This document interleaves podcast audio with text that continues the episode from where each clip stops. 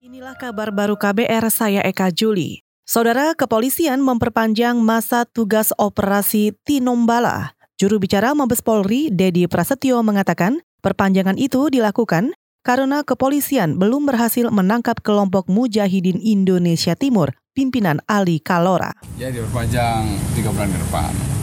Harapan tiga bulan ke depan itu sudah berhasil menangkap kelompok Ali Kalora. Juru bicara Mabes Polri, Dedi Prasetyo mengatakan, Satgas Tinombala telah menemukan titik koordinat lokasi persembunyian kelompok Ali Kalora, yaitu di sekitar Gunung Biru, Kabupaten Poso, Sulawesi Tengah.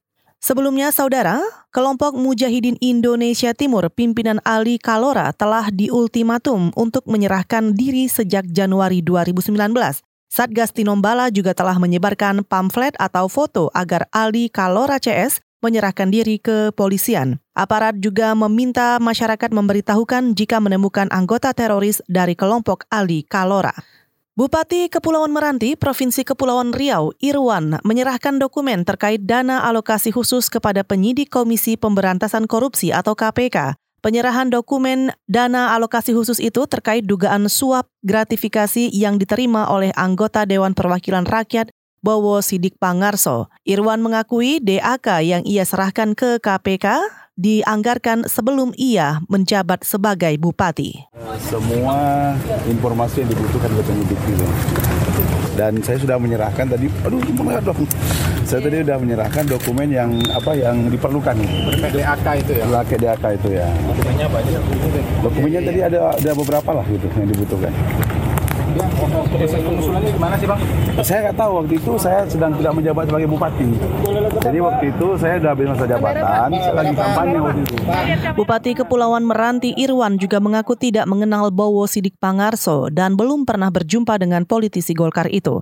Selain Bowo, Bupati Kepulauan Meranti Irwan juga dimintai untuk bersaksi untuk tersangka Indung. Indung merupakan perantara suap dari marketing PT Humpus Transportasi Kimia kepada Bowo Sidik. Dalam perkara ini, Bowo Sidik Pangarso diduga menerima suap dengan jumlah total lebih dari 8 miliar rupiah. Saudara Komisioner Komisi Informasi Provinsi atau KIP Jawa Barat periode 2015-2019 belum menerima surat keputusan perpanjangan masa jabatan. Ketua Komisi Informasi Provinsi Jawa Barat dan Satriana mengatakan Masa tugasnya berakhir di 8 Juli 2019. Hingga saat ini belum menerima surat keputusan perpanjangan masa jabatan sebagaimana yang pernah disampaikan Gubernur Jawa Barat Ridwan Kamil. Uh, saya, ten saya tentu tidak punya lagi kedudukan atau kewenangan untuk memutuskan dalam sidang atau membuat kegiatan yang mengikat pihak kedua ya. Begitu. Sampai nanti surat perpanjangan itu diterima kan. Ketua Komisi Informasi Provinsi Jawa Barat periode 2015-2019 dan Satriana menambahkan, Komisi Informasi Provinsi Jawa Barat masih memiliki pekerjaan rumah, yaitu dua sengketa informasi yang masuk proses persidangan dan terpaksa ditunda karena pemohon dan termohon sengketa informasi tidak bisa hadir sebelum 8 hingga 9 Juli kemarin. Meski Komisioner KIP Jawa Barat periode 2019-2023 belum dilantik, pelayanan administrasi di Komisi Informasi Provinsi atau KIP Jawa Barat tetap berjalan seperti biasa dan masih menerima laporan sengketa informasi dari masyarakat.